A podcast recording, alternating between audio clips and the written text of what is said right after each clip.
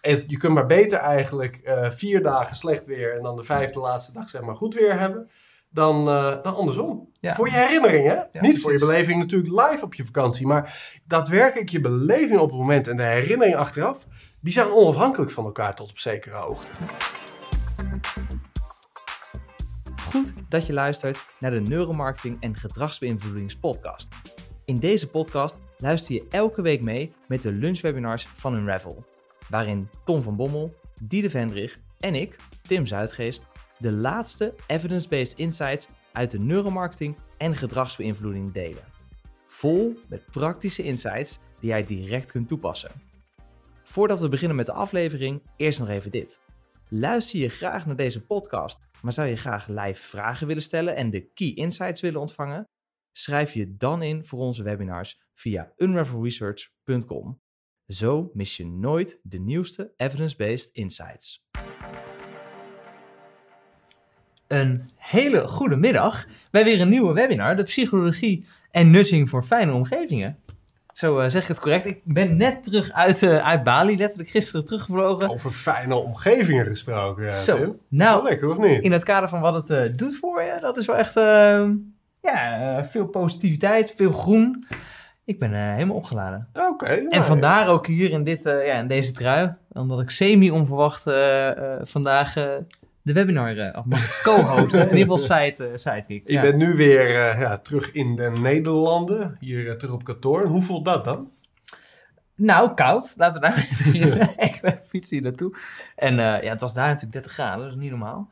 Ehm, maar ook weer goed. Ik had ook weer zin, frisse zin, weet je, eh, nieuwe ideeën eh, om weer aan de slag te gaan. Dus dat is ook wel weer leuk. Maar ik moet toegeven, klein beetje wel, eh, zou ik zeggen, nu al nostalgie. Nee, wordt... Je hebt heimwee naar vakantie. Ja, weer naar vakantie. Ja, precies. Ja. Interessant. Ja. Ja. Niet dat we het erover gaan hebben, maar binnen omgevingspsychologie is gewoon sense of place. Dus het gevoel van een plaats en eh, nou ja, het, eh, de koppeling die je daar emotioneel mee kan hebben, is, is echt een groot ding. Mm. Eh, heel veel mensen hebben altijd heimwee als ze op vakantie gaan. Maar ik vind het leuk dat jouw reactie bij thuiskomst is: ik heb heimwee naar mijn vakantieadres. Ja, ja, ik heb gisterochtend was ik echt even... En daarna gaan we natuurlijk gewoon weer richting de webinar natuurlijk. Maar maar dit is het webinar, de psychologie van plekken. Nou, ik ben benieuwd. Dus dit heb ik, ik had gisteravond eventjes, waar ik even weer heimwee had, even mijn ogen dicht gedaan en even weer voorgesteld hoe ik daar op een van die, want we waren op drie locaties geweest, op die veranda zat, uitkeek over de vallei met ja, gewoon alleen maar groen, wat voor mij echt, eh, dat is voor mij echt eh, de, de plek waar ik blij ben. Ja, En ik had echt weer dat, dat fijne gevoel terug.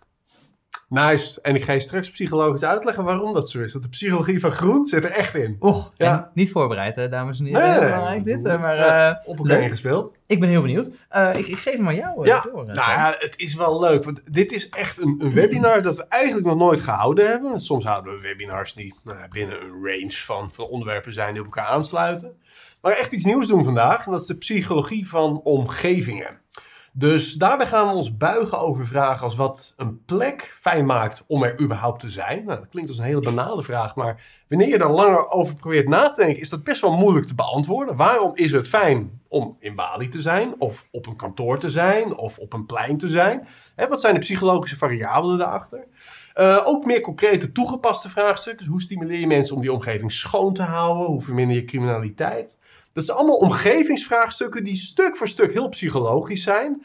En waar pas zich de laatste paar jaren echt in beleid en interventies, campagnes die psychologie echt zijn werking gevonden heeft. Of althans de toepassing gevonden heeft. We hebben heel veel onderzoek naar is gedaan. Dus de komende drie kwartier gaan we daar echt de golden nuggets qua inzichten gaan we bespreken. Om eh, nou te kijken hoe je psychologische omgevingen prettiger kunt maken. Kijk, nou, onwijs leuk. Ja. Ehm, ik zie al direct de bekende namen terugkomen, ook in de chat. Eh, zoals altijd, leuk als je ook eventjes laat horen van je in de chat. Vinden we eh, gezellig. Eh, ook natuurlijk ja, om te weten dat je er bent, maar uiteraard ook als je specifieke vragen hebt. eh, dan zal ja, in dit geval Tom ze eh, zo goed mogelijk proberen te antwoorden, uiteraard. Absoluut. Ja, en eh, nou, laten we eens beginnen met een mooie case of een mooi vraagstuk. En dat heeft te maken met hangjongeren. Dit is natuurlijk wel een bekend probleem. En de interventie die ik zo als eerst zal noemen, zou je ook niet onbekend in de oren klinken, letterlijk. Eh, hangjongeren, hè, wanneer ze zich op een plein of een winkelcentrum manifesteren. Groot probleem soms voor de omwonenden, andere gebruikers van die omgeving. Wat kun je daar psychologisch tegen doen? Nou, een hele klassieker. Ja, Dus, eh, is het- ja natuurlijk. eh, nou, ik, ik moet eerst eventjes lachen natuurlijk. om Tevens deze- een woordgrapje voor, eh, voor de liefhebber. Ja, ja, ik vraag me af, dit moet zeg maar hè, gestaged zijn. Even voor de mensen die dit straks natuurlijk alleen luisteren en niet zullen bekijken. We zien hier daadwerkelijk een afbeelding van een een pleintje hè, waarin jongeren, of in ieder geval ja, ja, twee, vier heren, ze hangen letterlijk met hun handen aan een, ja, aan een afdakje. Ja, terwijl zeggen. ze ingerekend worden door oma Gent. Ja, Ja, het is een, mooi tafereel. Met een scooter erachter. Het is duidelijk steeds, om inderdaad voor die woordgrap hè, van de hangjongeren. maar vervolgens zijn alsnog hun gezichten geblurred. Waardoor ik wel ergens het idee heb, zou dit dan wel of niet maakt het wel weer realistisch. Ja, ja, ja. Anyway, je vraag was natuurlijk, wat is natuurlijk de, de, de, de psychologische klassieker, denk ik, dus, ja, om hangjongeren weg te krijgen. Eh, en degene die, ik, eh, die mij vooral bij staat, is het eh, afspelen van klassieke muziek. Precies. Eh, dat schijnt ook veel te gebeuren natuurlijk in de parkeergarages. Ehm, met een beetje idee, als ik het goed zeg, dat je daarmee misschien ook wat meer de associaties oproept van... Ja, wat, wat bij klassieke muziek hoort. Ook gewoon dingen goed, fijn. En dat past nou precies eigenlijk niet in de staat die je bent als je een auto gaat slopen. Aannemen dat dat die idee was als hangjongeren in de parkeergarage. Nou, daar gaan we het zo bij hebben. Maar wat doen die jongeren daar eigenlijk? Want daar moet een interventie natuurlijk uit ontspruiten. Hè? Dus het Ja. gedrag begrijpen van de mensen die zich in die omgeving bevinden. Eh, maar ze komen er in ieder geval niet om klassieke muziek te luisteren. En dat staat ook erg ver van hen af. Dus dat is inderdaad succesvol gebleken om hen weg te krijgen. Althans in sommige interventies. In heel wat andere cases waarin tevens klassieke muziek werd ingezet, hebben ze gewoon de speakers gesloopt. Ja. En dat is het verhaal wat je wat minder vaak hoort over deze interventie. Dat wanneer je psychologisch het gevoel hebt, ik word hier beïnvloed, of er probeert iemand mij te beïnvloeden, dat je nog gewoon recalcitrantie oproept. En met name bij hangjongeren. En Hm. dat geldt voor echt interventies breed, dat we vaak, wanneer iemand wil dat we A doen, dan doen wij Z.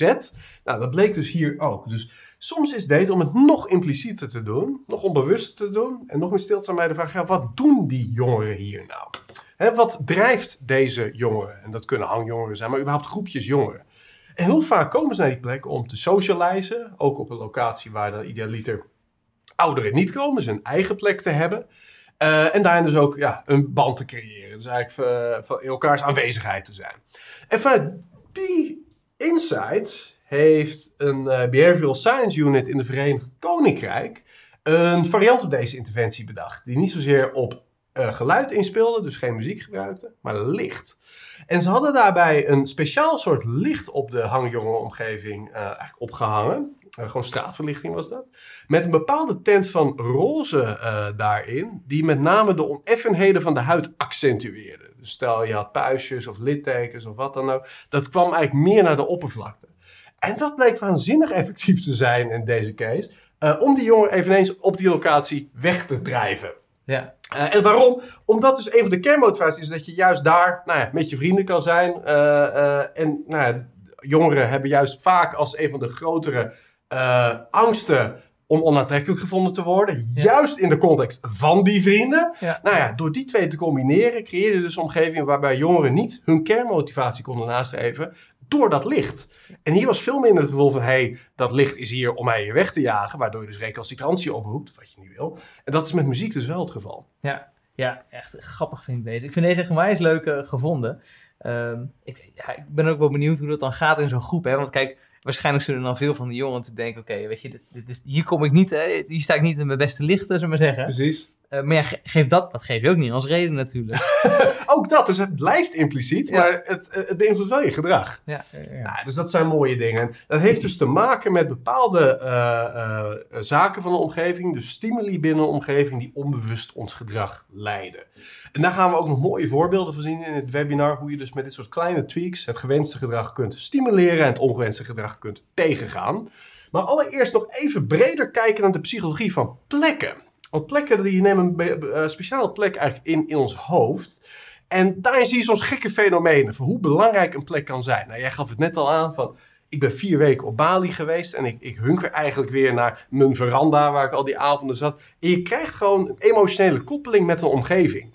En het grappige is, daar hoeft die omgeving helemaal niets voor te doen. Ons brein is geëvalueerd om ons emotioneel te koppelen aan de omgeving. Om een gevoel te hebben, dit plekje is van mij. En dat zie je in het fenomeen van place attachment. Wanneer je bijvoorbeeld zou kijken naar eh, een collegezaal, helemaal aan het begin van een nieuw semester. Hè? Dus al die studenten komen daar voor de allereerste keer binnen. Die nemen vaak random een plekje. Ja, de ene daar zitten, de andere de eerste rij, achterste rij, noem maar op. Wanneer je die studenten zou volgen na verloop van tijd, dan ga je zien dat heel veel studenten op precies diezelfde plek blijven zitten als waar ze de allereerste keer toevalligerwijs beland zijn. Je in een universiteitsbiep. Hè? Heb je altijd van die lange rijen met tafels. Je pakt random een eerste keer een plek. En dat is zomaar de plek waar je de komende vier jaar tijdens je hele studie eigenlijk altijd naartoe zal trekken. Dus iets wat compleet random begint, krijgt toch een emotionele connectie met jou. Puur doordat het gekoppeld is met het ik. Hè? Jij bent daar gaan zitten die eerste keer en je hebt een sense of place attachment. Hmm. Is, is dat ook zeg maar een van de redenen waarom je altijd zo vervelend vindt? Dat hè, als je na de pauze terugkomt op een, nou, zo even zeggen, een locatie waarbij de stoelen niet vaststaan. Dus je hebt bijvoorbeeld even gewoon een leuke borrel bijvoorbeeld. En Mhm. je komt daarna terug en iemand gaat op jouw plek zitten.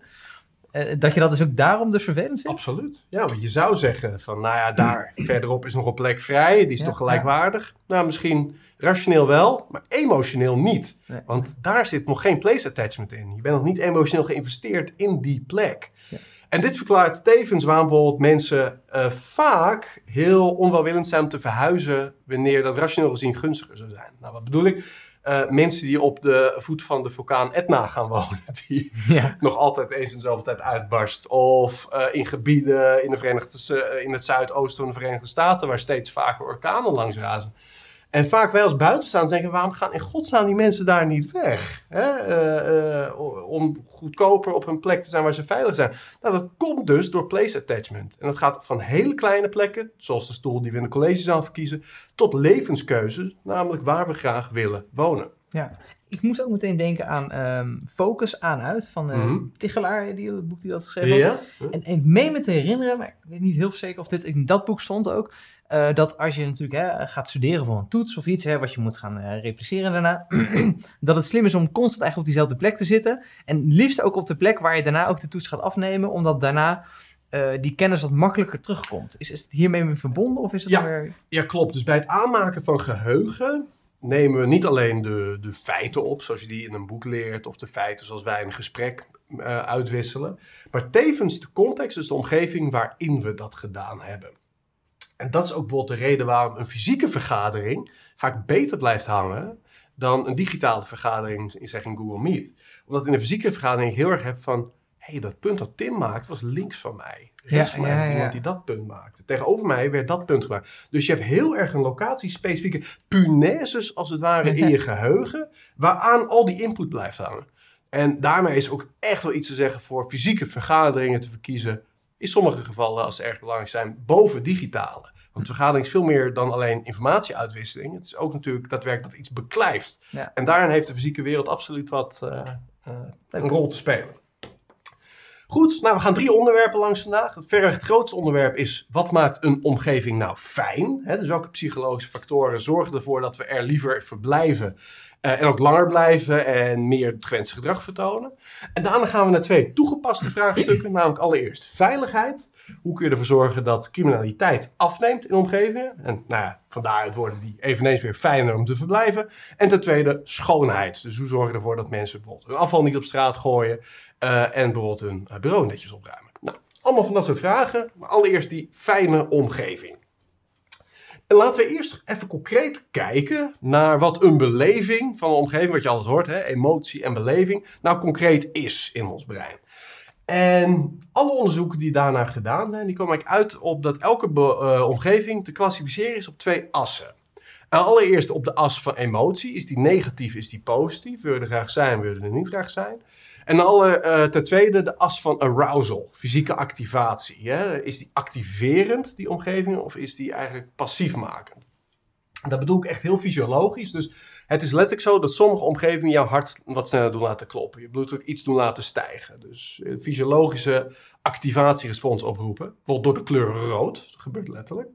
Ehm, en tegelijkertijd heb je ook low arousal omgevingen. Bijvoorbeeld door de kleur blauw, die precies het tegenovergestelde doen. Dus die je juist tot rust eh, manen. Nou, in elke omgeving kun je dus ergens hè, op de kruising van deze twee assen in die vier kwadranten klassificeren. En soms heb je dat een omgeving die juist bedoeld is om jou enigszins te kalmeren, zoals wanneer je naar de tandarts maakt, uh, gaat, onbedoeld, juist in een high arousal stimulus jou uh, activeren. Bijvoorbeeld wanneer die uh, tandarts allemaal rode planken in de wachtruimte zou hebben. Of bijvoorbeeld een harde vloer. Of harde stampende snelle muziek. Nou, dat zijn allemaal inputs die binnen onze zintuigen binnenkomen. Die onze ervaring van die omgeving kleuren. Nou, het goede nieuws is, die inputs die zijn stuurbaar. Die kun je controleren. En wanneer je kennis hebt over hoe die inputs die in onze zintuigen binnenkomen invloed hebben op onze beleving van de omgeving, dan kun je daarmee omgevingen optimaliseren. Daar is heel veel onderzoek naar gedaan.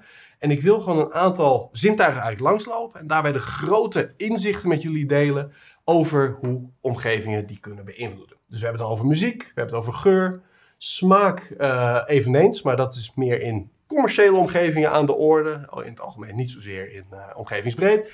Tast en beeld. Nou, dat zijn de zintuigen. Die zintuigen hebben op twee manieren invloed op ons gedrag in de omgeving. Allereerst op onze emotie. Hè, dus ons plezier en onze arousal, wat we zojuist bespraken, wordt onbewust gelijk beïnvloed daardoor. En ook direct op ons doen. Dus bijvoorbeeld door het horen van snelle muziek ga je wat harder lopen. Nou, dat heeft soms positieve consequenties op een omgeving. Bijvoorbeeld als je mensen snel uit een restaurant zou willen hebben. En soms juist nadelige consequenties. Um, dus dat zijn directe invloeden op ons doen. Nou, we gaan nu die verschillende zintuigen af en dan gaan we praktische zaken, mooie praktische inzichten bespreken over hoe je omgevingen anders kunt inrichten om ze dus fijner te maken om te zijn. En ja, verder het meest belangrijke zintuig voor mensen vandaag de dag en waar we als eerste aan denken in onze interventies is zicht. Wij zijn visuele wezens en alles wat we zien heeft invloed op wat we doen en wat we verwerken. Um, primaire zintuig, maar moet wel bij, uh, bijgezegd worden, altijd als we eye-tracking onderzoek doen, dan zien we dat toch bovenal heel veel informatie genegeerd wordt.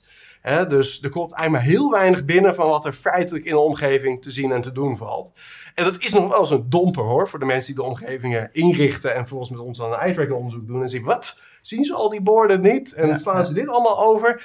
Ja, in de regel zijn we eigenlijk alleen maar met de dingen bezig die daadwerkelijk ons directe doel dienen binnen die omgeving. En alle andere zaken is ons brein heel vernuftig in om die te negeren. Dat ze het doen van eye-tracking onderzoek maakt dat natuurlijk altijd uh, ja, tamelijk uh, noodzakelijk. Ja, dat zagen we volgens mij toen ook met Buco, als ik me even goed herinner. Dus dat de mensen in de auto, ja, die moeten natuurlijk de omgevingsborden zien, of hè, sorry, de borden zien waarop staat. Hè, een omleiding uh, is actief. Ja. En Stefan, als ik me goed herinner, sloegen ze dat eerste bord eigenlijk over. Uh, ja, zagen ze dat dus niet. Nou, als daar dus die meeste belangrijke informatie op staat, dan heb je ook dus een probleem voor de weggebruikers uiteindelijk. Klopt, ja. Dus het is, kijk, het is soms helemaal niet erg dat mensen handig zijn om dingen over te slaan. Wanneer zij de dingen overslaan die ze toch niet nodig hadden gehad. Ja. Nou, dan zijn ze best wel adaptief bezig. In sommige gevallen, als ze cruciale informatie uh, uh, missen, vooral in verkeerssituaties, kan dat zomaar eens uh, levensbedreigend worden. Natuurlijk. Ja. Um, we denken heel snel, als we het hebben over omgevingsmanipulaties, om, om beleving te veranderen, aan kleur. Dus kleurenpsychologie. En hoewel dat nogal eens snel verzandt in een soort van psychologie van de koude grond, dat de ene kleur staat voor betrouwbaarheid en de andere kleur voor, uh, voor liefde bijvoorbeeld, zijn er wel degelijk, juist op die hele fysiologische reacties op die plezier- en arousal uh, metrics, uh, echt wel consistente effecten van kleur. Om te zien namelijk dat warme kleuren eigenlijk stevast arousal verhogen en mensen wat impulsiever maken. En daarom zie je die kleuren veel terug in retailomgevingen. Met name daar waar er aanbiedingen zijn. En daarbij heb ik het dus niet alleen maar over de bordjes met uh, rode actieborden met kortingen. Maar ook gewoon de kleur van de verlichting, de kleur van de vloer, van de schappen. Kun je heel erg meer spelen om mensen high arousal snelle keuzes te laten maken. Uh, moet je dus niet doen bij de tandarts. Of eigenlijk in geen enkele medische setting, zou ik eigenlijk zeggen. Waarbij mensen enigszins zenuwachtig de omgeving binnenkomen. En je juist uh, wil temperen. Ja. Um, koele kleuren daarentegen, die geven wat meer rust. Maar maken ook rationeler. En dat is de vraag, wanneer wil je nou dat mensen rationeel zijn? En juist in omgevingen met bijvoorbeeld een complexe interactie. Dan heb ik het bijvoorbeeld...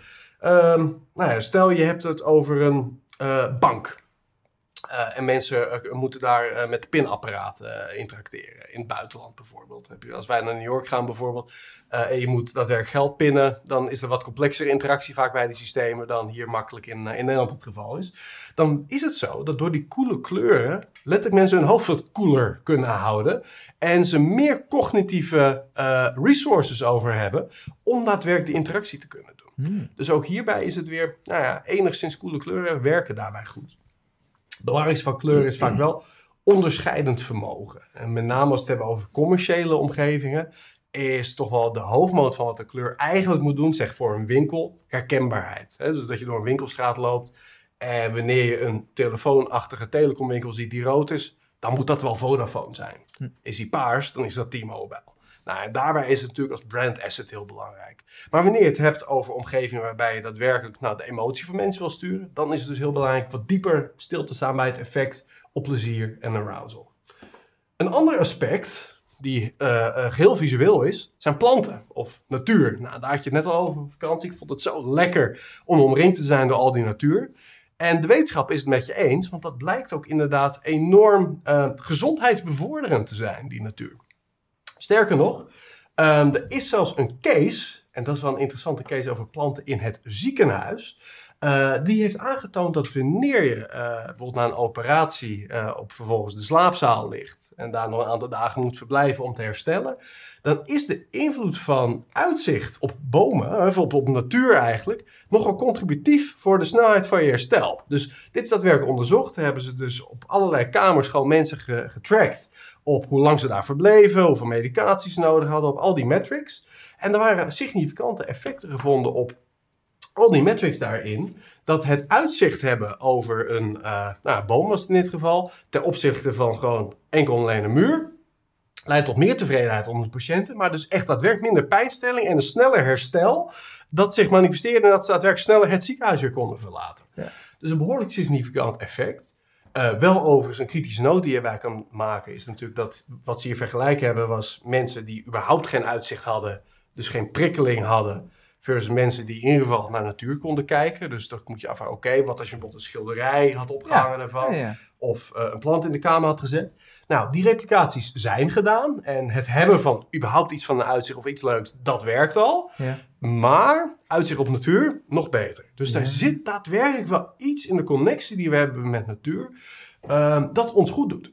Hmm. Ik, ik, ben heel benieuwd of dit, uh, stel dat in VR, uh, of je dit dan hetzelfde zou terugzien. Omdat je daar natuurlijk mm -hmm. heel veel zou kunnen repliceren, behalve natuurlijk wat essentiële dingen. Um, ja, ja. dat zou interessant zijn. Ja, en je moet er ook in geloven natuurlijk. Ja. Dus je moet, uh, ja, dat is met name, wanneer je daadwerkelijk het gevoel hebt van die boom die ik zie is dichtbij, uh, dan zal het hoogstwaarschijnlijk werken. Dus dan zou de VR-set wel de hele dag op moeten hebben ja, ja, dat is waar. in het bed ligt. Uh, maar inderdaad, dat zou nog onderzocht uh, kunnen worden. Ja, het is zelfs zo. En ik moet zeggen, ik heb eventjes niet hier de wetenschappelijke achtergrond mm -hmm. per se achter mij. Maar ik heb me laten vertellen dat het in de natuur zijn kan zelfs vier weken daarna nog ervoor kan zorgen dat jouw witte bloedcellen uh, echt gaat twee of drie keer zoveel uh, aanwezig zijn. Dus dat je Zo, ja. nog meer immunity, uh, zeg maar. Hebt. Ja, boswandelingen maken. Ja. Ja. ja. en er zit natuurlijk ook heel veel goeds aan. Hè? Je hebt enerzijds het fysieke inspanningseffect, wat gewoon gezond is voor mensen.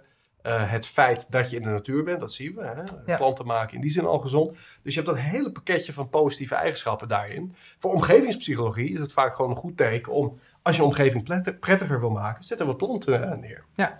Dat werkt super simpel, maar het is heel effectief. Ten tweede, muziek. Het is natuurlijk ook een hele mooie omgevingsvariabele waar je veel mee kan doen. Uh, ook heel veel onderzoek naar gedaan, met name op het directe gedrag van mensen. Klassieke daarin, uh, muziek en de invloed op verblijftijd. Uh, want muziek, überhaupt het hebben van muziek, verhoogt al het plezier van de omgeving. mits het gewaardeerde muziek is natuurlijk, het moet niet irritant zijn. Maar als het ook maar een beetje nou, van neutraal tot leuk is, is het al positief voor onze verblijftijd en het plezier dat we ervaren in de omgeving. Dus niet zozeer arousal verhogen, daar gaan we het zo over hebben, met name dus op die plezierdimensie van omgevingen. Um, en je kunt dat arousal uh, verhogen met name door het tempo van de muziek. Nou, daar gaan we straks natuurlijk het voorbeeld van zien wat tempo doet op loopsnelheid en verblijftijd.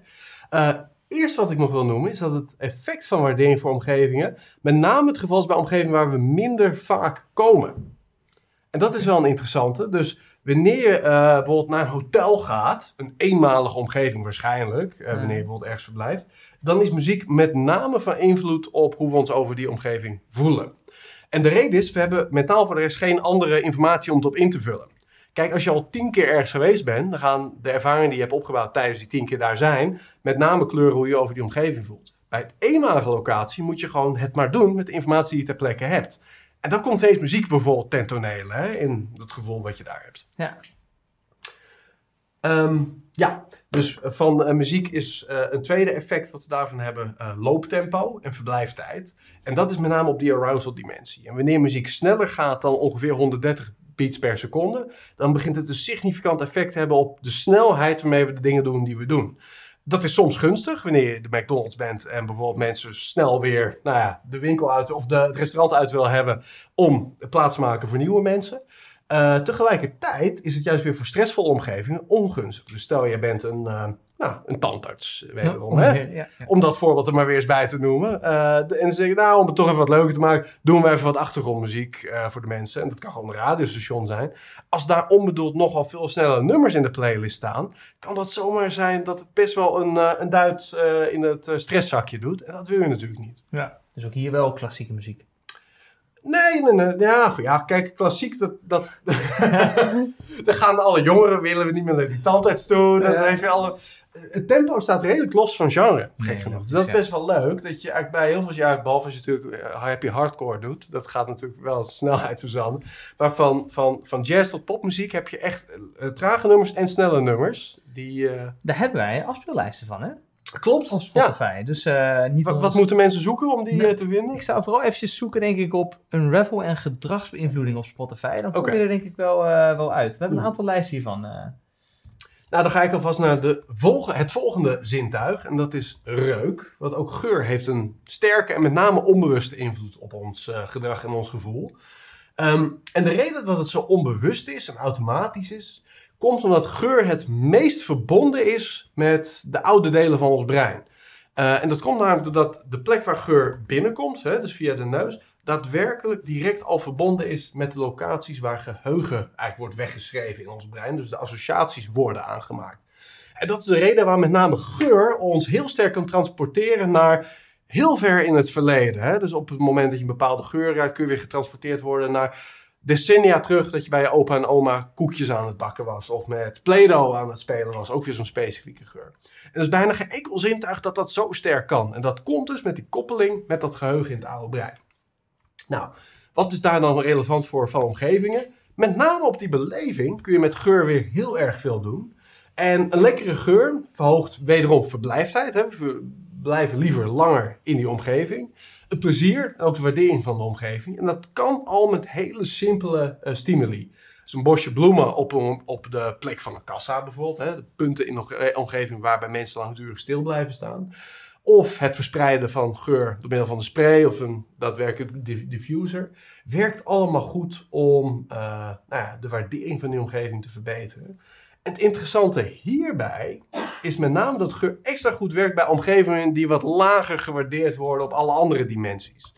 Uh, dus omgevingen die gewoon vervelend zijn om, uh, om, om even uh, doorheen te moeten. Dus dat kan een tunnel zijn waar je doorheen moet fietsen om thuis te komen. Hè. Dus omgevingen die gewoon eigenlijk de wind tegen hebben in de, eh, de emotionele respons die het oproept. Daar werkt geur des te beter bij, want het ruikt in elk geval lekker. Er zit een soort van positieve keerzijde aan die extra goed uh, uitwerkt. Dus daarin is geur als het ware een, uh, een pleister op de emotionele wond. Nou, ten slotte hebben we ook nog tast. En Tast is een wat uh, nou vergeten zintuig. En er is natuurlijk met veel omgevingen ook niet zo heel veel mee te doen.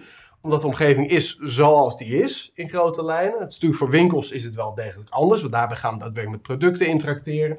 Met user interfaces bij banken, parkeergarages. Echt apparaten mee interacteert zit natuurlijk wel weer een tastcomponent in. Nou, daarbij kun je natuurlijk veel doen. Is veel behoefte aan.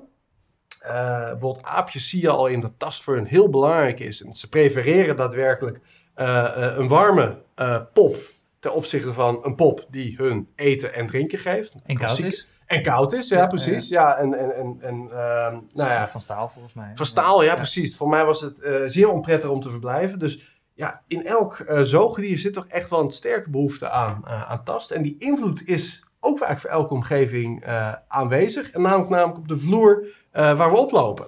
Want de vloer die kan hard zijn of die kan zacht zijn. Hè? Tapijt of bijvoorbeeld stenen, cement uh, of een uh, harde laminaat. Ja, precies. Ja. ja. dat heeft allemaal invloed, wederom op looptempo en wederom op dat comfort. Hè? Dus die arousal metric, we worden daadwerkelijk wat rustiger wanneer we op tapijt lopen, omdat het zacht is. Dus op al die zintuigen kun je inspelen om de omgeving zo te maken zoals je wil.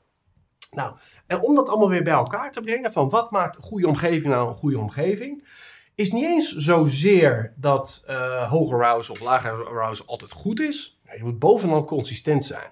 Want waar ons brein daar uh, niet van houdt, is inconsistente signalen. Dus daarmee bedoel ik dat je bijvoorbeeld snelle muziek combineert met een rustgevende geur. Dat zien we met name in commerciële contexten, waar dit heel veel onderzocht is, zien we dit echt uh, fout gaan. Dat daarmee de verblijftijd en daar ook een aantal aankopen trouwens, behoorlijk uh, achteruit gaat. En dat komt dat er gewoon gemixte signalen binnenkomen. Hetzelfde geldt voor positieve emotie negatieve emotie. Wanneer je iets combineert wat juist heel prettig is, uiteraard combineren met iets wat uh, neutraal of onprettig is. Wederom is dat een nou negatieve cocktail. Ons brein houdt van consistente signalen. Um, en tegelijkertijd heb je natuurlijk ook wel de motivatie die mensen van nature al hebben bij omgevingen. Dus wanneer je naar een pretpark gaat, dan kom je daar niet om een lage arousal te hebben.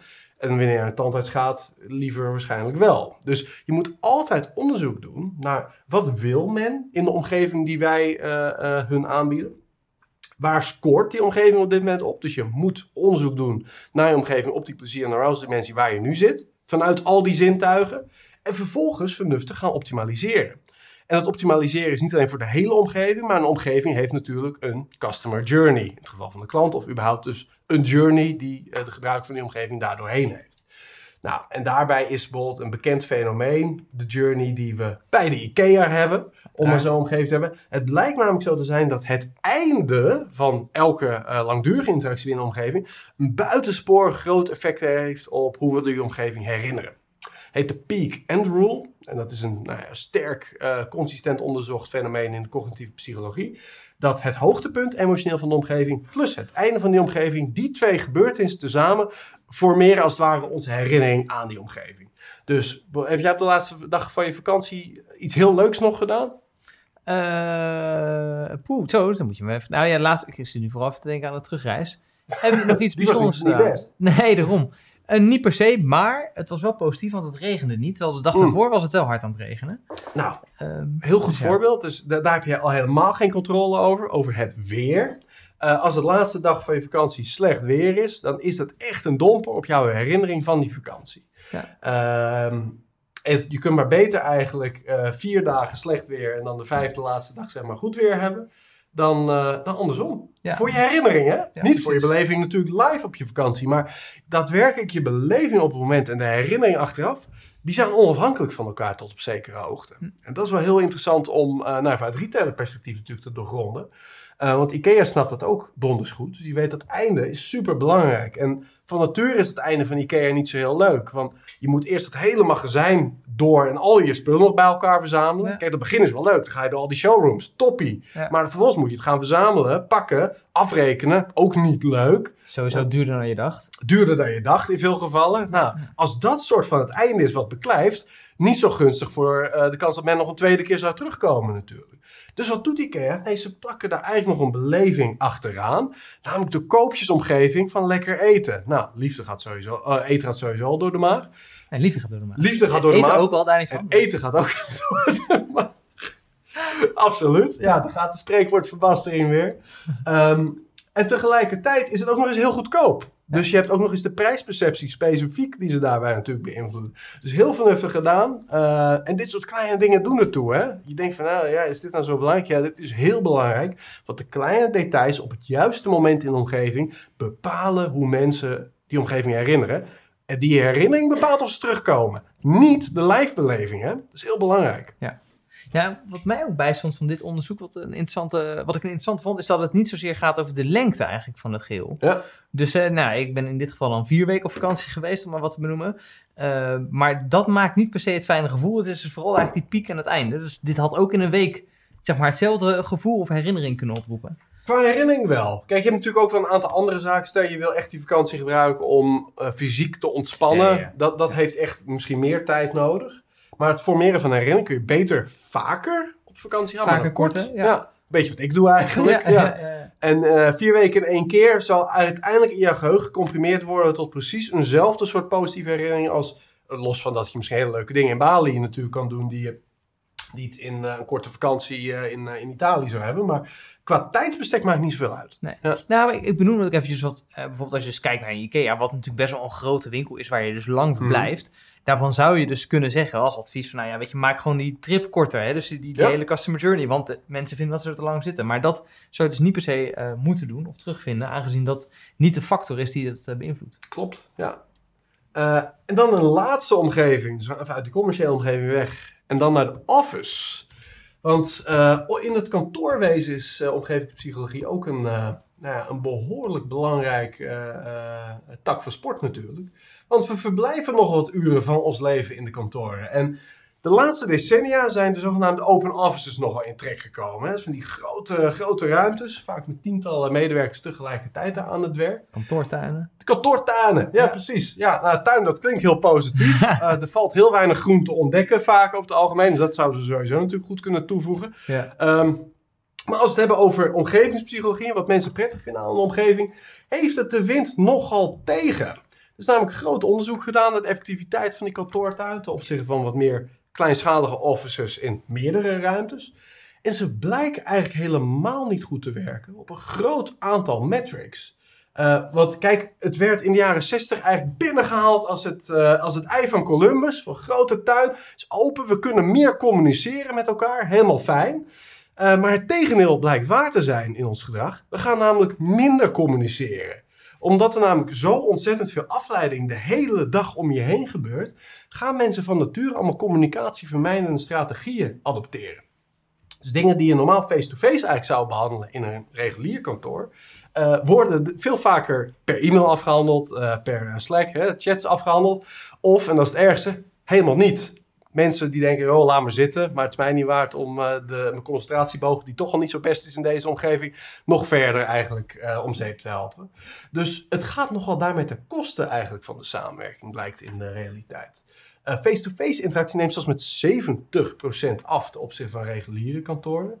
Ehm, en er zijn ook heel veel verborgen kosten. Want de hele reden, de positieve kant van kantoortuin is natuurlijk dat je meer mensen in minder ruimte kwijt kan. En dat klopt ook.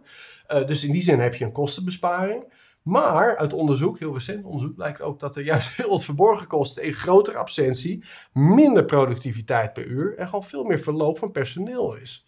Ehm, en daarbij is wel de vraag, ja, waarom is er zo'n discrepantie tussen de verwachtingen enerzijds, ook wel de eerste onderzoeksuitkomst in de jaren 60, want in de jaren 60 is dit onderzocht, en toen kwamen er juist positieve uitkomsten uit. Maar dan moeten we wel even goed kritisch kijken naar die onderzoeken uit de jaren 60, want daar bleek het zogenaamde Hawthorne-effect eh, eh, speel, eh, te spelen. En dat is het effect dat zodra mensen weten dat ze in een onderzoek zitten, zich daar enigszins naar gaan gedragen. Wat er namelijk gebeurde in die onderzoeken was dat ze binnen een geselecteerd kantoor, dus zeg een groot kantoor, deze de ene verdieping in een reguliere setup en de andere verdieping werd zo'n kantoortuin. Dus die mensen wisten dat ze in een experiment zaten. En puur het weten van, hé, hey, ik zit hier in een nieuw concept en dat wordt getest op deze en deze, deze metric, die gingen allemaal beter werken. Ja. Maar niet door die kantoortuin, maar door de experimentele setup. Dus ze hadden daar bij elke setup kunnen doen. En je hebt eigenlijk altijd, en daarom heet het Hawthorne effect, dit gaat in heel veel situaties op wanneer je weet dat, eh, eh, dat je in zo'n experiment zit, gaat de productiviteit even omhoog. Totdat het uitvlakt en je daadwerkelijk langdurig zou kijken. En je ziet dat het minder effectief is dan de reguliere kantoren. Ja, ja, ja. dus vandaar dat de randomized controlled trials zo belangrijk zijn natuurlijk. Ja, absoluut. Ja. En eh, ja, hierbij is het in die zin bijna niet te voorkomen dat men weet in welke condities ze zich bevinden. Want Je hebt niet een placebo voor een kantoortuin. Nee, nee, nee. Eh, want je ziet waar je je op dat moment bevindt. Dus ja, met name ook gewoon langdurig onderzoek. Ja. Maar ja, dat deden ze in de jaren 60 niet toen ze hierin overstapten. Dus ja, is een domper. Zijn er vragen op dit moment in de chat? Ja, van eh, iemand die, eh, die, eh, ja, die- als het username heet die GT, dus ik moet meteen denken aan de gin tonics. Niks per se te maken met. Bali overigens, maar misschien meer met jou. Eh, tenminste, doordat ik jou zie, omdat jij zo'n gin tonic fan bent. Ehm, even zien, dus eh, GT zegt in ieder geval, ehm, die consistente zintuigen, hè, dus wat je net Ja. zei dat het consistent moet zijn, dat lijkt wel strijdig met de stelling dat een lekkere geur in deze late omgeving positief uitpakt. Het ruikt tenminste nog lekker en is dus strijdig met andere waarnemingen en dat zou een negatieve cocktail kunnen geven. Klopt. Ja, nou, geur is daar ook letterlijk een uitzondering. Ehm, Kijk, het is natuurlijk met arousal is consistentie heel logisch dat je dat goed uh, consistent moet doen. Hè? Want je moet niet iets wat je rust geeft combineren met iets wat je eigenlijk druk maakt. Dat is ja.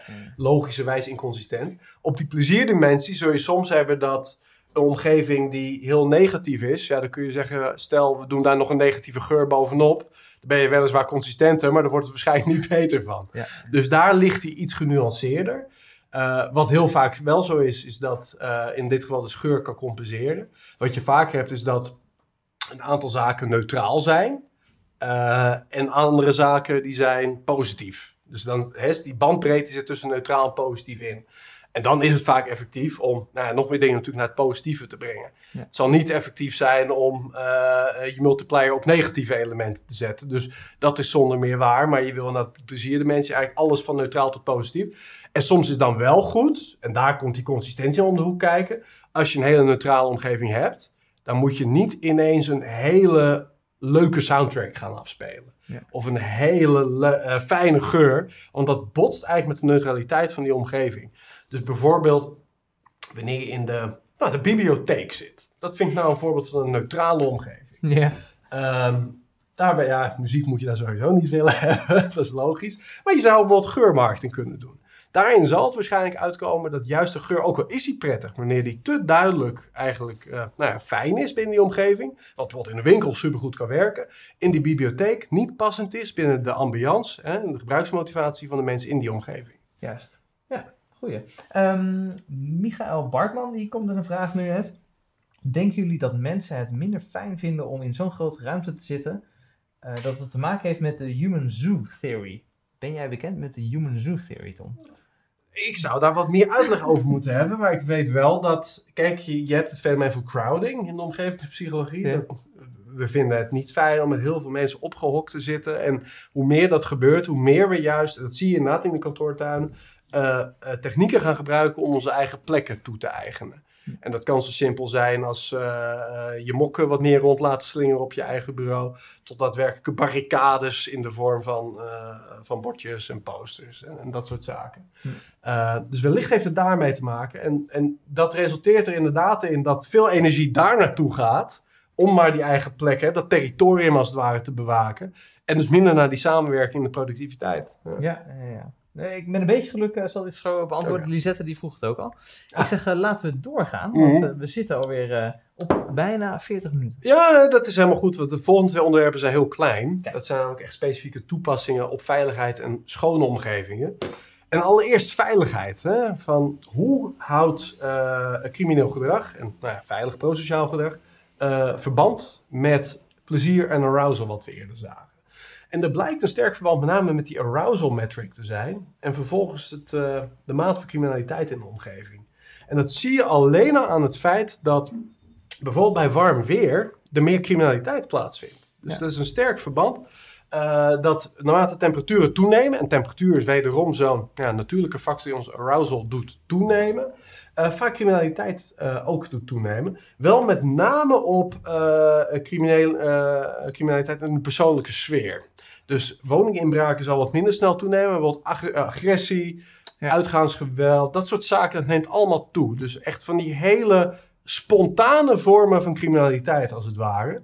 En dat komt deels door het arousal, komt ook trouwens wel deels dat bijwarm weer mensen dichter bij elkaar komen, uh, meer elkaar dus opzoeken bedoel ik. En uh, ook ja, meer alcohol nuttigen. Dus er zitten een aantal kruisverbanden wel in hoor. Uh, maar hetzelfde fenomeen gebeurt bijvoorbeeld bij warme kleuren, harde oppervlaktes, stampende muziek. Al die high arousal um, uh, stimuli die we net noemden, die kunnen dus ook criminaliteitsverhogend zijn. Dus dat is heel erg goed om dus even met terugwerkende kracht te houden naast al die zintuigen die we net genoemd hebben. Wanneer je in de omgeving zit waarbij criminaliteit op dit moment hoog is, dan zou dat zomaar eens kunnen dat die arousal dus te groot is. En mensen sneller geneigd zijn om buiten de nou, sociale normen te treden. Hm. Die sociale normen die spelen overigens ook een rol.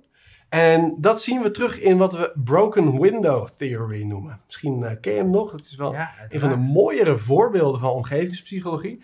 En dat heeft ermee te maken dat wanneer wij zien dat een sociale norm reeds gebroken is. Dus bijvoorbeeld je loopt door een winkelstraat en er is een ruit ergens ingetikt. Nou, de broken window. Vergroot dat de kans dat we in bredere zin ook sociale normen zullen doorbreken. Dus bijvoorbeeld sneller, en dat zijn kleine dingen, ons afval op straat gooien. Eh, en iemand die daadwerkelijk eh, al met wat uh, slechte bedoelingen op pad gaat, sneller tot een winkeldiefstal overgaat. Dus het breken van sociale normen op gebied A vergroot de kans dat ze zullen gebroken worden op gebied B. Nou, dat is natuurlijk niet gunstig. En veel interventies die in het verleden effectief zijn gebleken, die zijn er gewoon op gericht geweest die sociale normen te herstellen. Grootste voorbeeld zijn de metro's van New York in begin jaren 90. Dus de metro's, dat was één grote puinhoop. Overal lag altijd troep. Er werd veel gezakkenrold. Er was één grote cocktail van criminaliteit. Uh, werd heel veel tegen gecampaigned. Deed allemaal niks. Dus communicatie, dat hielp niet. Toen heeft uh, de burgemeester van New York toen ter tijd uh, een grootschalige clean-up gedaan van alle graffiti van de New Yorkse metro's. Dat van de muren gehaald. En eigenlijk dat was het enige. En de criminaliteit op al die dimensies nam af. Omdat de broken window theory, hè, dus je ziet dat eigenlijk uh, normaal gesproken de norm is al verslonst door de graffiti. Doordat dat is opgeruimd, wordt dus eigenlijk all around de norm, die al in ons hoofd zit, want je hoort niet de zakken rollen, je, je hoort je afval gewoon in een prullenbak, wordt beter gehandhaafd. Was dat niet uh, Giuliani? Ja, dat, ja, dat was ja, wel Giuliani. Ja, die, is later zelf een klein beetje van pad geraakt. Maar ja. die heeft uh, in de beginjaren net van New York ja, toch echt wel goede successen gedaan. Ja, ja, ja. ja. Um, ja, en bij sterk aanwezige positieve normen kan het breken ervan wel tot een positieve actie leiden. En daarbij moet je je voorstellen, stel je hebt een straat waarvan wij met z'n allen weten, uh, die is normaal gesproken eigenlijk altijd heel schoon. Uh, dat willen we ook graag schoon houden. En dan ligt daar vervolgens één zo'n blikje cola, zo uh, verfrommeld ligt daar in de hoek. Dan is de norm weliswaar doorbroken, maar is het feit dat die norm doorbroken is heel duidelijk voor jouw gevoel aanwezig.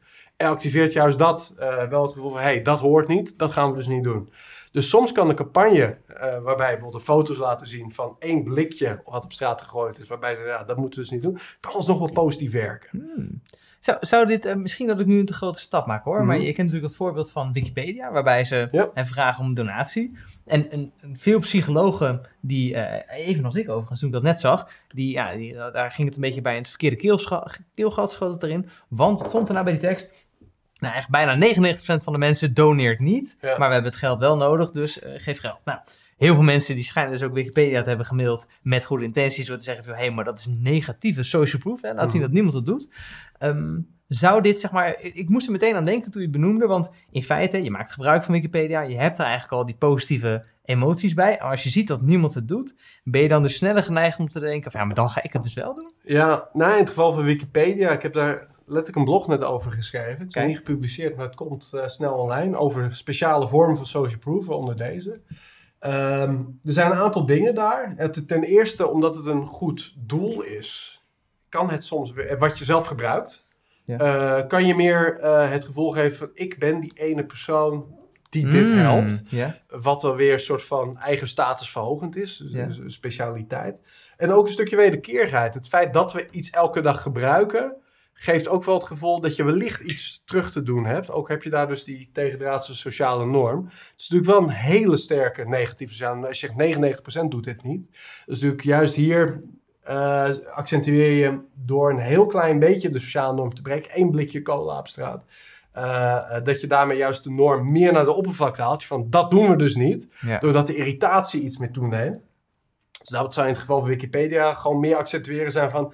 Wist je dat er uh, 5% van de mensen Wikipedia gebruiken zonder ooit iets te geven? Ja, ja. En dan denk je, ja, dat zijn wij dus niet. Nee, nee. Ja, dus dat, dat, uh, dat zou meer daarmee in lijn liggen.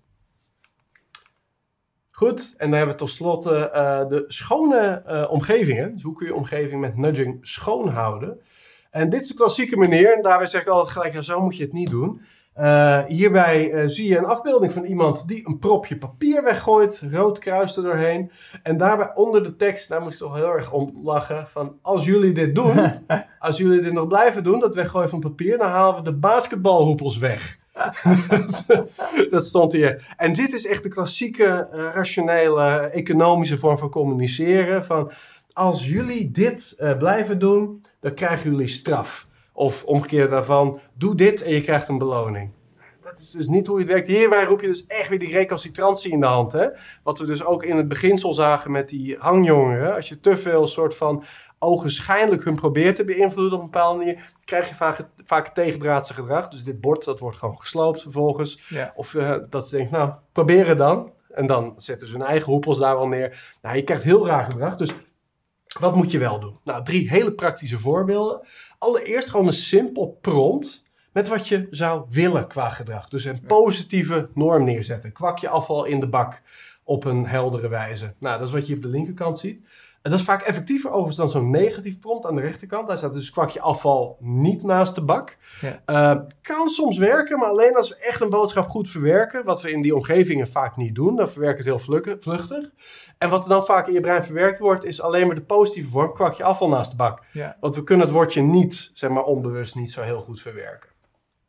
Nou, dat wil je dus niet. Dus positieve uh, activatie van de norm.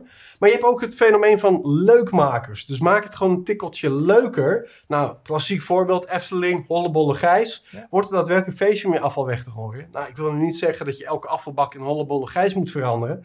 Maar je kunt het wel op heel veel manieren net een tikkeltje leuker maken. Bijvoorbeeld door de grote kliko's voor je... Uh, of dit zijn. Ja, van die glasbakken, eh, van die grote zaken. Maak je gezichtjes van. Nou, we weten al, gezichten pakken heel goed aandacht. En maken het ook uh, daadwerkelijk door het te vermenselijken emotioneel leuker.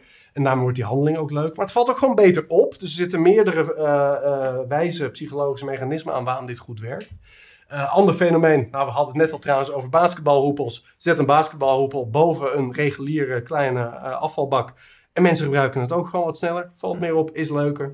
Dus dit zijn leukmakers. En de derde, die is wat eloquenter, wat meer toepasbaar op uh, campagneniveau. En dat heeft te maken met collectieve identiteit. Want kijk, eigenlijk heb je, wanneer je mensen wil overtuigen om de omgeving schoon te houden, best wel de wind mee. Want mensen willen dat in de regel ook graag.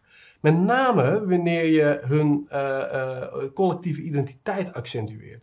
Kijk, want je hebt eigenlijk altijd een beetje dat spanningsveld tussen jouw individuele belang en het collectieve belang. Hè? Dus moreel dilemma heet dat. Als jij met een uh, blikje cola, dat heb je opgedronken, uh, op straat loopt en je ziet in de verste verte geen afvalbak, ja, dan is jouw individueel belang gewoon weggooien. Is voor jou op dat moment het belangrijkst. En ja, kans dat jij er nog ooit last van hebt is vrij klein. Voor het collectief belang, als iedereen dat doet, vrij slecht. Want dan ligt de grond binnen uh, de kortste tijd bezaaid met die blikjes. Hm. Nou, daarbij heb je dus een spanningsveld. In de regel zijn mensen van natuur geneigd in de eerste instantie dat individuele belang na uh, te streven. Tenzij je een collectieve identiteit benadrukt. En dan gaan ze juist in het groepsbelang uh, uh, volgen. Nou, de manier hoe je dat kunt doen, is gewoon een gemeenschappelijke identiteit. Om dat eigenlijk bewust te maken in het brein van mensen. Dat gebeurt al als je alleen al de Nederlandse vlag ziet. Dan is het gewoon, hey, wij zijn met z'n allen Nederlanders en we proberen, er nog wat, we proberen het mooi te houden. En daarbij kun je, door dat slim te doen, dus de identiteit aan te spreken, echt campagnes uh, ontwikkelen die daar een verschil maken. Heel uh, bekend voorbeeld is Don't Mess with uh, Texas. Hm. en daarbij hadden ze dus, nou Texas is sowieso best wel een staat die zich heel erg Texaan voelen. Dus je kunt het al op dat niveau natuurlijk doen, hè, de gele staat pakken.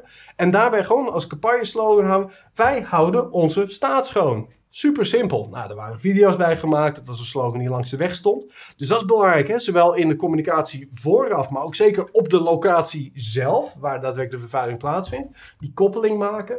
En daarbij puur die collectieve identiteit uh, accentueren. En dit was een gigantisch succes. Nou, en voordat we gaan afsluiten, Tim, ben ik benieuwd. Zijn er nog wat. Uh, nou ja, dus um, we hadden het natuurlijk net over de Human Zoo Theory. Ja. En uh, Michael die heeft hem een klein beetje toegelicht. Uh, hij zegt, ja, dat is wel iets, er zit meer achter het verhaal, maar even een simpele toelichting. Het gaat over dat een mens uh, het in de, niet in de natuur zit om uh, ja, constant met zoveel mensen in contact te zijn. Mm, ja. ik vraag me af of dat helemaal klopt. We zijn natuurlijk in principe wel groepsdieren. Maar, nou goed, ik, ik neem even aan. Dus, vertel, als je dit zo hoort, wat, wat denk je dan Ja, over nee, je hebt echt leuke boeken over geschreven. Dat, kijk, ons brein is geëvalueerd om heel erg juist die groepen te, uh, samen te werken. Maar wel groepen van zeg vijf tot tien mensen. Ja, okay. Dat is een beetje hoe het vroeger ging. Vaak vanuit gezinnen of gezinnen die samenwerkten. Dat was uh, je clan, je, je tribe. Uh, vandaag de dag leven we soms in steden met 5 miljoen mensen in New York of in kantoortuinen met wel 100 mensen op heel weinig vierkante meters bij elkaar gepropt. Ja. En dan krijg je inderdaad dat we terug willen, onbewust of bewust zelfs, naar dat equilibrium waar ons brein het best mee in staat is te werken. Um, en dat is dus, nogmaals, tussen de 5 en 10 mensen. Uh, want dat had natuurlijk ook een vraag kunnen zijn van oké, okay, uh, als die kantoortuinen niet werken, moet je iedereen dan een eigen kantoor geven? Nou, dat ook niet. Je moet net even die middenweg vinden waar ons brein het, ja, het lekkerst op werkt. Nogmaals, tussen 5 en 10 mensen per ruimte. En Dus we, hoeven, we hoeven ons kantoor niet aan te Nee, nee, nee, ik, denk, ja, ik wilde ons niet op de borst kloppen, maar ik denk de wijze hoe wij bij een raffle hier, we hebben zes ruimtes, met inderdaad elke ruimte voor tien mensen, ja, dat is perfect. Ja. Want daarmee heb je precies de gulden middenweg tussen goed kunnen samenwerken, maar ook je eigen plek hebben en eh, qua eh, eh, afleiding, zeg maar, dat kunnen managen. En zodra het meer wordt dan dat, zie je dus dat mensen allerlei strategieën bewust en onbewust gaan adopteren om hun focus en privéruimte te vergroten. En dat gaat altijd ten koste van het werk. Ja, ja precies. Ehm, even leuk, Michel die zegt nog, ja, de Woodstock 99 is een mooi voorbeeld van de Broken Window Theory.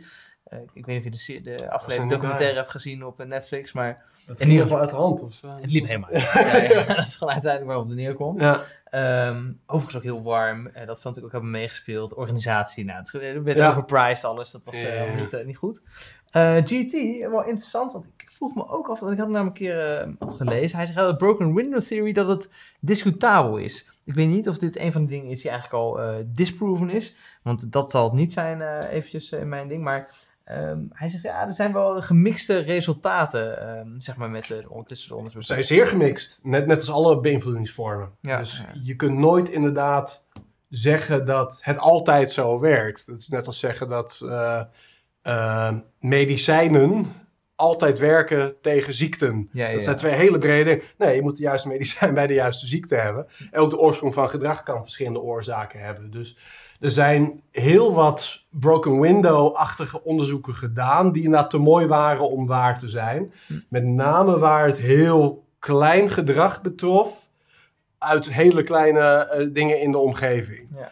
Op groot niveau blijkt het wel heel, heel sterk eh, repliceerbaar te zijn. En dan heb ik met name over het verschil tussen een, eh, een metrostation dat compleet onder de graffiti zit, versus een compleet schoon station. Dat heeft hele grote effecten. Ehm, letterlijk inderdaad de naam van Broken Window Theory, of één gebroken ruit nou zulke buitensporige effecten heeft dat eh, alles daaromheen zal ontaarden in chaos. Dat is inderdaad discutabel. Maar het heeft dus ook te maken aan met ja, hoe sterk is eh, die broken window. Dus hoe, hoe sterk is het oorspronkelijke probleem. Ehm, en B, hoe bewust is men van wat de sociale normen in die omgeving idealiter zou moeten zijn? Ehm, wanneer men namelijk heel bewust is van wat hier de bedoeling is, dan werkt een broken window juist om dat te herstellen. Dus eh, stel je woont in een hele hechte gemeenschap. Ehm, dus een beetje een klein dorp. Hè? Small town America moet je je voorstellen. Met gewoon drie winkeltjes in het dorp. Als daar een ruit kapot is, gemaakt door iemand, vergroot dat juist die welwillendheid om te herstellen. Ja, En dat komt omdat je een heel sterk beeld in je hoofd hebt van hoe de norm zou moeten zijn. En elke kleine doorbreking van die norm maakt dat beeld groter en sterker juist. Dus net als het gevoel wat ik net gaf van dat ene blikje Coca-Cola op straat stoort zo erg dat je nog meer hunkert naar een schone straat. Precies het tegenovergestelde van Broken Window Theory, maar wel onder voorspelbare omstandigheden. Dus we weten precies onder welke condities het wel optreedt en welke niet. En met name in stedelijke omgevingen, met veel mensen bij elkaar, waarbij eh, we eigenlijk geen besef in ons hoofd hebben wat een sociale norm zou moeten zijn. En dat we hem daarom met name extern om ons heen bekijken. Van nou, eens kijken wat hier de sociale norm is. Daar blijkt Broken Window Theory wel weer heel sterk. Ja. En dat verklaart waarom dus in New York dit zo'n sterk fenomeen is. Ja, precies. Ja, en eh, ik, moet het wel zeggen, het komt eigenlijk vaker terug, eh, ook in de webinars, maar ook in dit webinar, dat het heel vaak dus contextafhankelijk is. Ehm, ja, dat het me net eigenlijk van afhangt welke situatie, hoe je het moet toepassen. Ehm, dat je dus niet zomaar altijd dus gewoon maar lukraak dingen moet overnemen, maar heel duidelijk eerst eigenlijk die a priori onderzoek moet gaan doen om te kijken wat is nou de situatie die ik heb en welke nutjes zijn hier nou effectief bij gebleken en kunnen we hier dus in eh, toepassen. Juist. Ja. Ehm, vind ik een hele, dat vind ik een, toch een van de duidelijkere takeaways. ehm, nadat we best wel lang dit natuurlijk doen, dit soort dingen. Dat het altijd heel erg contextafhankelijk is. Om maar even Mhm. één dingetje te noemen, het euroteken weglaten op een webshop. Nou, Ja. sowieso altijd een relatief klein effect. Maar eh, moet je altijd rekening houden met het feit van ja, zien mensen überhaupt nog wel dat het een prijs is, hè, dat het daarom gaat. Typisch zoiets, weet je, je kan niet zomaar overal die eurotekens weghalen en maar hopen dat daarmee je omzet Ja. omhoog gaat. Dus, ehm, dus dat. Eh, Tom, ja, wat, eh, wat zijn de main takeaways van vandaag? Dat waren geen vragen meer? Eh, voor de rest geen vraag. Oké, nou dan gaan we hem lekker afsluiten. Ja, de takeaways van de psychologie van omgevingen is allereerst wanneer je daadwerkelijk een omgeving hebt waar je verantwoordelijk voor bent, die je zou kunnen beïnvloeden met campagnes, weet jij op dit moment al hoe die omgeving beleefd wordt? Stel jezelf die vraag. Want elke beleving die bestaat dus uit plezier en arousal. En weet je op dit moment al, is jouw omgeving high arousal, low arousal? Hoeveel plezier zit daarin? Of zitten er zelfs bepaalde momenten wat negatieve aspecten aan? Dat moet je weten voordat je ook maar welke interventie er ook succesvol kunt doen. Uh, en ten tweede, maak je daarbij gebruik van nudging. Want heel vaak proberen we in eerste instantie niet zoveel met die omgeving te doen, maar we gaan gewoon anders communiceren. Dus omgeving, daar wordt veel afval neergegooid, dus we gaan een campagne doen uh, op de televisie met gooi afval niet op straat. Vaak is dat niet genoeg. Je moet echt interventies doen op die omgeving zelf om het gedrag daar te veranderen. Dus dat is het terrein van nudging. Kleine veranderingen vaak in de omgeving met wel grote resultaten. En ook ken je de kern waar het gedrag vandaan komt, of waar, uh, wat is de reden waarom het gedrag dat je eigenlijk zou willen binnen een omgeving niet gedaan wordt. Dat bepaalt precies wat jij zei, Tim, welke context, die, uh, welke context er eigenlijk speelt. En welke technieken wel gaan werken en welke technieken waarschijnlijk niet gaan werken. Want het is gewoon simpelweg zo dat voor welke techniek dan ook, je kunt uh, evenveel studies vinden waarin, uh, waar het blijkt dat die niet werkt dan waar, het, waar die wel werkt. En dat is niet omdat het random is, maar dat komt omdat het contextafhankelijk is. Dus begin altijd, waarom zijn die mensen die we willen beïnvloeden op deze omgeving? Waarom, uh, wat doen ze daar? Zoals die jongeren. Wat is eigenlijk hun motivatie van die hangjongeren? Want dat bepaalt dat een belichting die ervoor zorgt dat hun huid wat meer uh, uh, qua oneffenheden duidelijk wordt onder elkaar, zo ontzettend effectief bleek. Uh, terwijl diezelfde interventie waarschijnlijk bij andere plekken waar te druk is totaal niet gaat werken. Want dat is niet de motivatie daar. Ja. Daar begint het altijd mee.